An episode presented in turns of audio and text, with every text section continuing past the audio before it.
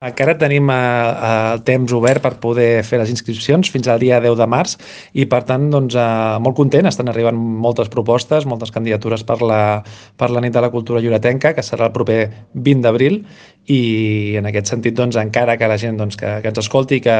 i que recordin doncs, que eh, es torna a fer aquesta edició i que, evidentment, doncs, eh, encara hi ha temps i, com hi ha temps, també animem a, a presentar les, les propostes que encara queden pendents.